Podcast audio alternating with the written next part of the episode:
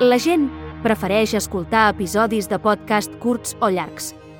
Si veiem les estadístiques del podcast del popular Joe Rogan a YouTube, resulta que els episodis de més de 30 minuts obtenen 10 vegades més vistes que els episodis curts o clips.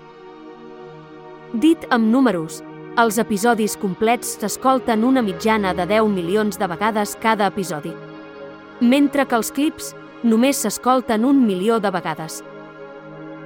És a dir, 10 milions enfront d'un milió. Els curts s'escolten 10 vegades menys.